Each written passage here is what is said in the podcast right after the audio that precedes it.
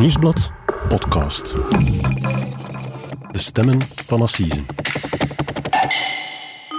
En dan zei hij, ze kan nu niet meer babbelen. En hij heeft weer afgelegd. Mama, mama, mama, het is iets ergs gebeurd. Tante Lena en onkel Laurie zijn al twee dood. C'est un homme. La corpulence me faisait penser à un homme. En tegen mij hebben ze gezegd, je stelt te veel vragen. Als ik geen vragen mag stellen, wie hem dan wel? Op een woensdagavond in september 2019 vertrekt Lindsay Rijgaards om half zeven s'avonds van de delicatessenzaak in Oudenaarde waar ze werkt.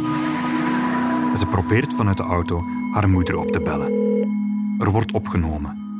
Maar de stem is niet die van haar moeder Lena. Ze krijgt een onbekende man aan de lijn.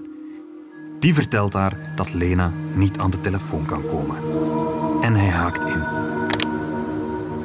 Twee dagen later komt de politie. Die vertelt haar dat haar moeder Lena en haar stiefvader Henri vermoord zijn. In hun huis in Timouchi. Dat is op woensdag gebeurd, twee dagen eerder. Precies op het moment dat zij de telefoon vastnam en haar moeder opbelde. Sindsdien is er één vraag die het leven van Lindsay beheerst. Van wie was die mannenstem? Mijn naam is Cedric Lagast.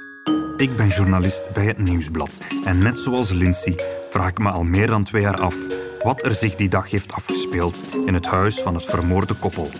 In deze podcast, De Stem van de Moordenaar, ga ik op zoek naar antwoorden.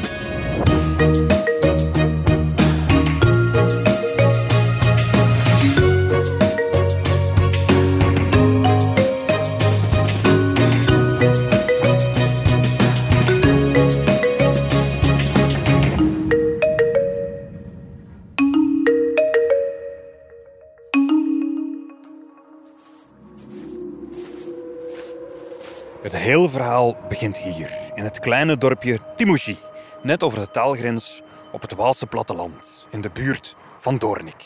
Toen ik vanuit Vlaanderen hierheen reed, heb ik zo'n 20 minuten doorheen de velden moeten rijden. Dan kwam ik plots bij dit kleine dorpje hier rond de kerktoren. Er wonen vandaag zo'n 280 mensen. En hier, helemaal op het einde van dat dorp, staat het kleine, lage huis met de blauwe voordeur waar het Vlaamse koppel Lena van Geluwe en Henri van Lerbergen tot in september 2019 woonden. Lena was 66 jaar, Henri was 69 jaar. Het koppel is afkomstig uit het Vlaamse Kluisbergen. Zo'n 20 kilometer verderop, waar ze meer dan 30 jaar lang een groenten- en fruitwinkel hadden. Maar in 2004 zijn ze hier komen wonen, in, in dit huis, waar ze een, een grote tuin hadden en zelf groenten konden kweken. In 2017 gingen ze met pensioen en verkochten ze hun winkel. Ze trokken zich hier terug. En de buren die rond het huis hier wonen, die spreken twee jaar later nog altijd met veel warmte over het Vlaamse koppel. Ah oui, oui. Ils s'entendaient bien, Ouais. c'était agréable. Agréable. Mon mari s'entendait bien avec Henri, Henri, oui, oui. et moi je m'entendais bien avec On a Léna. fait connaissance avec Henri quand euh, euh, on est venu habiter ici. Et il avait un- une prairie derrière avec des moutons. Et vous étiez au courant de l'histoire quand vous avez acheté la maison Oui, on savait qu'il y avait ce meurtre. euh. Achter het huis staat er nu een grote wit en rood geschilderde molen. Die molen stond hier in 2019 nog niet. En naast het huis, een goede 50 meter verderop, ligt nog altijd een diepe bouwput. Lena en Henri wilden hier een nieuw huis bouwen.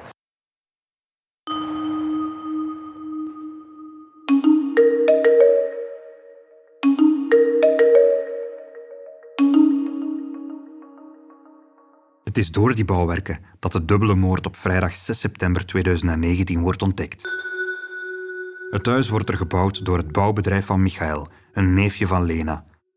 Henri brengt de metsers elke ochtend een kopje koffie. En omdat Henri die vrijdagochtend niet opdaagt, gaat één van hen polsoog te nemen. Ja. En, eh, Doordat ze een huis aan het bouwen was naast haar huis, in Timouchi. Ja. Mijn zoon deed dat. Dus gingen zijn werknemers elke dag naar daar. Dit is Magda, een zus van Lena en de moeder van Michael. We weten nu dat de moord al op woensdagavond in het huis gepleegd werd. De metsers waren er toen niet. Een dag later, op donderdag, is aannemer Michael even op de werf gepasseerd. om wat bouwmateriaal te leveren. Hij heeft toen door het raam naar binnen gekeken bij Lena en Henri. Hij heeft Henri zien zitten. Zo zal hij zich later herinneren. Maar omdat hij dacht dat zijn oom sliep, is hij stilletjes weer vertrokken. Hij zegt, ze zaten daar precies in hun zetel met de gordijn dicht. Dus ik ben daar niet binnen geweest op dat moment. En de vrijdagmorgen zijn ze in Ouvriers toegekomen. En eh, ze gingen altijd een tasje koffie drinken bij mijn zus eerst, voordat ze begonnen werken. En eh, de ouvrier van Michael zegt, ja, het is bizar, Henri komt hier nu niet met mijn koffie. En ik klopt op het raam en ziet ze er precies zitten. En dan heeft hij gebeld naar Michael en heeft gezegd, het is bizar, uw onkel zit in de zetel en ik kom niet open doen.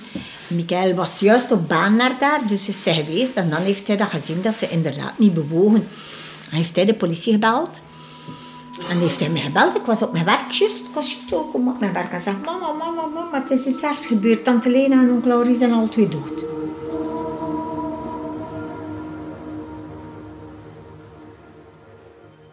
Dit is coiffeur Odette, de Lena. overbuurvrouw en al jarenlang een goede vriendin van Lena.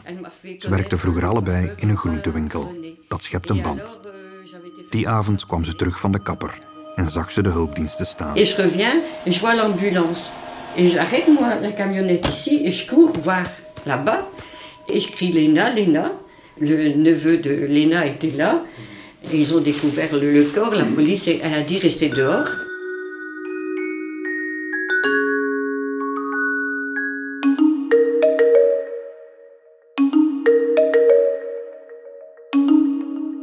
Nee, nee, dat was een huis voor mama. Ah, en, en waarom wou ze verhuizen? Of, of, of... Mama ging dat andere huis voor haar houden. Een van de twee huizen ging ze verhuren. En het andere ging ze dan... Ja, in het ene ging ze ze- wonen en het andere... Dit is Lindsay Rijgaards, de dochter van Ik Lena. denk dat wel.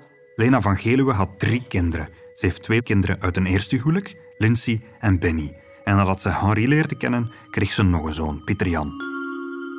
Dochter Lindsay is een gedreven vrouw, zelf moeder van twee tienerzonen. Ze woont met haar man en kinderen in Ronse en op het moment van het drama werkte ze in een delicatessenzaak. De afgelopen jaren heeft zich het gerecht van Doornik bestookt met vragen over het onderzoek en over wat er die dag in Timouji gebeurd is. Ze herinnert zich die dag waarop ze vernam dat haar moeder overleden was, nog haarscherp. Ik was ehm, aan het werken in Oudenaarde. En ik ben met een klant bezig. Een broodje, een broodje aan het maken. En ik neem eigenlijk... Dat was altijd de persoon die dichtst bij de telefoon was, nam de telefoon op. De telefoon is afgegaan. Ik heb hem opgepakt. En dat was Michael, mijn neef. Dus eh, dat is hij die dat huis aan het bouwen was, naast Ah, mama. ja. Die, die, Die, die mama haar nieuw huis aan het zetten was. ja. Ehm, en hij belt naar mij en hij had zoiets van... ehm Lindsay, je moet, naar, mama, je moet naar, naar uw mama haar huis komen. Ik weet dat ik had gezegd had van nee, ik kan niet komen, ik ben aan het werken. En dan had, hij nog een keer echt geassisteerd van... ehm, nee, Lindsay, je moet echt komen, want ehm, er is iets gebeurd. En hij zei van nee, je moet nu stoppen met werken en je moet nu komen. En dan heb ik me eigenlijk een beetje kwaad gemaakt aan de telefoon. En had ik zoiets van, ja, maar zeg mij dan waarom dat ik moet komen. Hij heeft eigenlijk aan de telefoon niet durven zeggen wat er gebeurd is. Het enige wat hij tegen mij gezegd heeft, en dat, dat weet ik wel, dat, dat waren echt zijn letterlijke woorden. Je moet komen, want het is crimineel. Ik denk ook dat ik dan even flauw gevallen ben. En, en ze hebben mij opgeraapt eigenlijk aan de, aan de binnenkant voor, voor, ehm, voor de personeelsuitgang buiten te gaan in de binnenwerij. Ik ben eigenlijk beginnen weglopen. Ik heb de klant niet meer bekeken. Ik, heb niet meer, ik, ik weet zelfs niet wat, wat er met dat broodje gebeurd is. Of wat dat... Van het moment dat, ze, dat ik gehoord heb crimineel, ben ik eigenlijk weggestapt. Beno, dus Bjorn, dat was mijn collega, want ik stond in de binnenwerij. Ik denk dat hij mij zelf opgeraapt heeft van de grond. Samen met, eh, samen met Astrid. Een collega voert haar die ochtend meteen naar Timouji. Lindsay is zelf niet in staat om met de auto te rijden. Ze wil haar moeder zien. En als we daar eigenlijk toegekomen zijn, dan stond daar al vol met combis. Politie. Ja. Ik denk dat ik dan, of juist iets daarvoor, naar Michael gebeld heb. Want, naar mijn oma- Michael. Omdat ik dan zag van... Als al die politie hier staat, is er inderdaad iets gebeurd. En ik ga eigenlijk niet naar de politie. Ik ga eigenlijk naar mijn, naar mijn neef. Die voor mij, want hij heeft mij gebeld. En ik had zoiets van... Hij gaat wel weten wat er gebeurd is. En ehm, ik zie hem dan wenen. Ja. En het feit van hem te zien wenen, dat heeft mij... ehm, Dat beseft dat er is iets gebeurd. En dan heb ik tante Mie die haar omdraait, die mij een knuffel geeft en dan, dan stort uw wereld in. Hè. Lindsay mag niet binnen in het huis. De politie houdt haar op afstand en neemt haar later mee naar het politiekantoor in Doornik, waar ze een hele dag lang ondervraagd wordt. Net zoals de rest van haar familie. De dood van Lena en Harry is geen ongeval. Ze hoort dat Lena en Harry met veel geweld om het leven zijn gebracht. Harry zat in een fauteuil in de woonkamer en was met elf messteken gedood. Lena lag verderop op de vloer. Zij was met vijf messteken vermoord. Overal in de woonkamer, op de vloer, op de muren en op de meubels waren bloedspatten te zien. Ze verneemt ook dat de moord niet die ochtend gebeurde, maar al veel eerder. De politie maakt haar duidelijk dat volgens de wetsdokter het overlijden al van woensdagavond dateert. Samen met een politieagent heeft ze mij uh, meegenomen, apart genomen in een combi. En beginnen vragen stellen. En dan zei ze van... ehm, kijk, we gaan je meenemen voor, voor verklaring af te leggen. Voor, voor, ehm. Maar ik weet wel... Ik denk dat het dan was... Dat ik al gevraagd heb van... ehm, en ik denk dat ik dan... Ik ben naar daar gelopen en ik denk dat ik dan een, agent vastgenomen heb. En dat ik gezegd heb van... Welk weer was het hier? Woensdagavond. Hoe was het weer in Timouji op woensdagavond? Dat roept Lindsay uit, want ze moet aan een telefoongesprek denken van die bewuste avond. Die avond belde ze naar haar moeder Lena. Ze wilde haar moeder goed nieuws vertellen over de schoolresultaten van haar twee zonen. Toen ze de delicatessenzaak afgesloten had en in haar auto was gestapt, nam Lindsay haar gsm vast. Ik doe dat wel graag als ik aan het rijden ben. Ehm S'avonds, surtout als ik in het donker ik graag van... Zo voel ik mij niet alleen in mijn auto. Ehm, dus als de winkel, eh, als ik vertrokken ben, ik had dan gewacht tot als ik op een 60 was, ehm, dat ik uit, uit het centrum van Oudenaarde was. En een keer dat ik op een 60 was, bel ik dus naar mama. Lindsay weet dat Lena haar gsm altijd in haar auto laat liggen en zelden dat toestel beantwoordt. Het koppel heeft ook geen vaste telefoonaansluiting. En dus belt Lindsay, zoals ze gewoon is, naar het gsm-toestel van haar stiefvader Henri. Het is op dat moment 18 uur 50. De eerste keer dat het oppakt, ehm, doe ik gelijk altijd. Ja, dat ben ik, ik geef mama. En daar zegt een mens tegen mij van... ehm, ze is naar het toilet. En ehm, hij legt af. Dus ik heb zoiets van, oké, ze is in het toilet. En in, het begin heeft mij dat niet raar gedaan. Tot als ik begin te zeggen van... Ja, maar ze is in het toilet, maar waarom pakt hij dan telefoon op? Dat eerste gesprek duurt 29 seconden. De stem is niet van haar stiefvader Henri. Ze herkent de stem niet. Dat er iemand anders opneemt, vindt ze in dat eerste moment niet vreemd. Haar moeder had vroeger een groentewinkel en ze is het gewoon dat anderen de telefoon daarop nemen. Misschien is het een van de bouwvakkers van naast de deur. Maar na enkele momenten begint de hele situatie toch vreemd aan te voelen. Ze belt terug. Dat gebeurt volgens Lindsay om 18.53 uur. Mama had wel die, die gewoonte van in haar winkel ook, surtout als ze bezig was, kon ze soms zeggen tegen iemand anders, pak op en zeg dat ik ga weer bellen, of, of pakt een bericht, voilà. Ehm, dus dat heeft me niet raar gedaan. Als ik naar de winkel belde, of soms in huis, was er ook iemand die aan... Mama is even bezig, zeiden ze dan. En, en, Dus dat- daarom heeft mij dat niet... En met dan zei ik van, ja, maar als ze op het toilet is, gaat ze zij toch niet roepen vanuit, oftewel vanuit de badkamer, van pak mijn telefoon op. En dan heb ik eigenlijk gezegd van, het is raar. En dan heb ik teruggebeld. En eigenlijk de eerste keer heb ik gehoord dat hij in huis was, want er was niets. Niets van, van, van lawaai. En een tweede keer heb ik teruggebeld en dan heb ik weer gezegd, dan heb ik gezegd van, ben ik weer? Nu geefden ze mij wel. En dan stond hij buiten, want dan heb ik wind gehoord. En dan zei hij, ze kan nu niet meer babbelen. En hij heeft weer afgelegd. Maar ook op dat moment heeft mij dat niet... Dan had ik zoiets van... ah, dan had ik zoiets van... Gaat ze dan misschien buiten staan met een architect die daar is? Of met een bouwweer? Of, of, of gelijk wat? Ik heb eigenlijk... Dat heeft mij niet raar gedaan. En heb je nog een derde keer teruggebeld? Nee. Want tegen dan was ik thuis.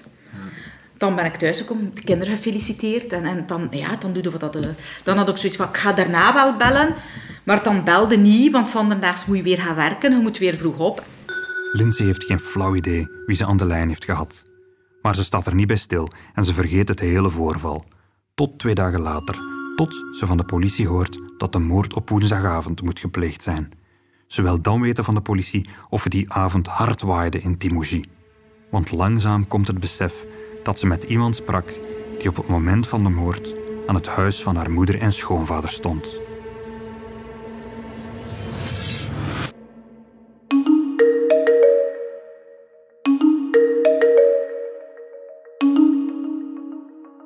Na de dubbele moord wordt Lindsay een hele dag lang ondervraagd in de kantoren van de federale gerechtelijke politie in Doornik. Pas s'avonds laat mag ze terug naar huis. De dag lekt eindelijk voorbij. Ze heeft net vernomen dat haar moeder thuis vermoord is, net zoals haar stiefvader. Ze is de hele dag geconfronteerd geweest met de verklaringen van de andere familieleden, die in andere verhoorruimtes ondervraagd werden. Maar wie de dubbele moord gepleegd heeft, is daarmee nog niet duidelijk geworden. Toch is de beproeving van die dag voor haar nog niet afgelopen. We zijn eigenlijk heel de dag uh, geweest. Uh, en ik ben vertrokken rond, ik denk dat het rond 6 uur was dat ik naar, naar beneden gegaan ben. En uh, ik heb dan mijn gsm aangelegd, want mijn gsm nog niet aan. En dan heb ik eigenlijk de politie van Rons gehad aan de telefoon, die mij vroeg waar ik was. Dus ik zei van, dat, dat, dat ik op het commissariaat van uh, Doornik zat. En ik had zoiets van, laat mij gerust. Ik weet wat er gebeurd is. Ik denk dat ik dan gezegd heb van, mama, ik weet mama vaker zijn dood. Uh, dus ik weet het al. Ik, heb, ik moet niet nog een keer andere politie zien. En die zei dan tegen mij... Uh, nee, wij staan bij jou thuis. Uh, we zouden graag hebben dat je hier zo vlug mogelijk bent. Want uh, wij denken dat uw broer is dat we gevonden hebben. Dus we hebben nu nodig om hem te identificeren. En dan, had ik, en dan heb ik gezegd van, wat bedoelde? Ik heb s'morgens het nieuws gehad van mama en vaken. En ik heb s'avonds het nieuws gehad van Benny. Ja. Ik heb twee keer de hemel op mijn kop gehad op één dag. Um, en dan zeiden ze van Benny Rijgaards en we hebben hem gisteren gevonden. Benny is blijkbaar dood.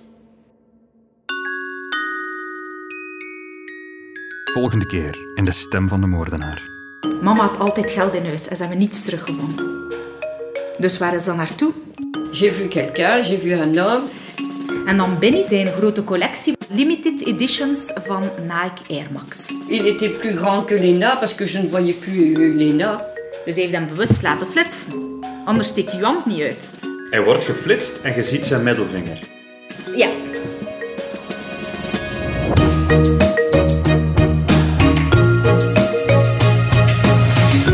De eerste aflevering van De Stem van de Moordenaar, een podcast van het Nieuwsblad. Wil je weten waar deze vragen ons heen brengen? Luister dan ook naar de volgende vier afleveringen van deze podcast. Mijn naam is Cedric Lagast. De montage en de muziek is het werk van Pieter Schrevens van House of Media. De productie gebeurde door Bert Heijvaart. Wil je nog meer podcasts over misdaad en justitie? Luister dan elke vrijdag naar de Stemmen van Assise. In deze podcast duik ik met journalisten Pieter Huibrechts en Mark Lefman een interessante rechtszaak en nemen we je mee achter de schermen van de rechtszaal.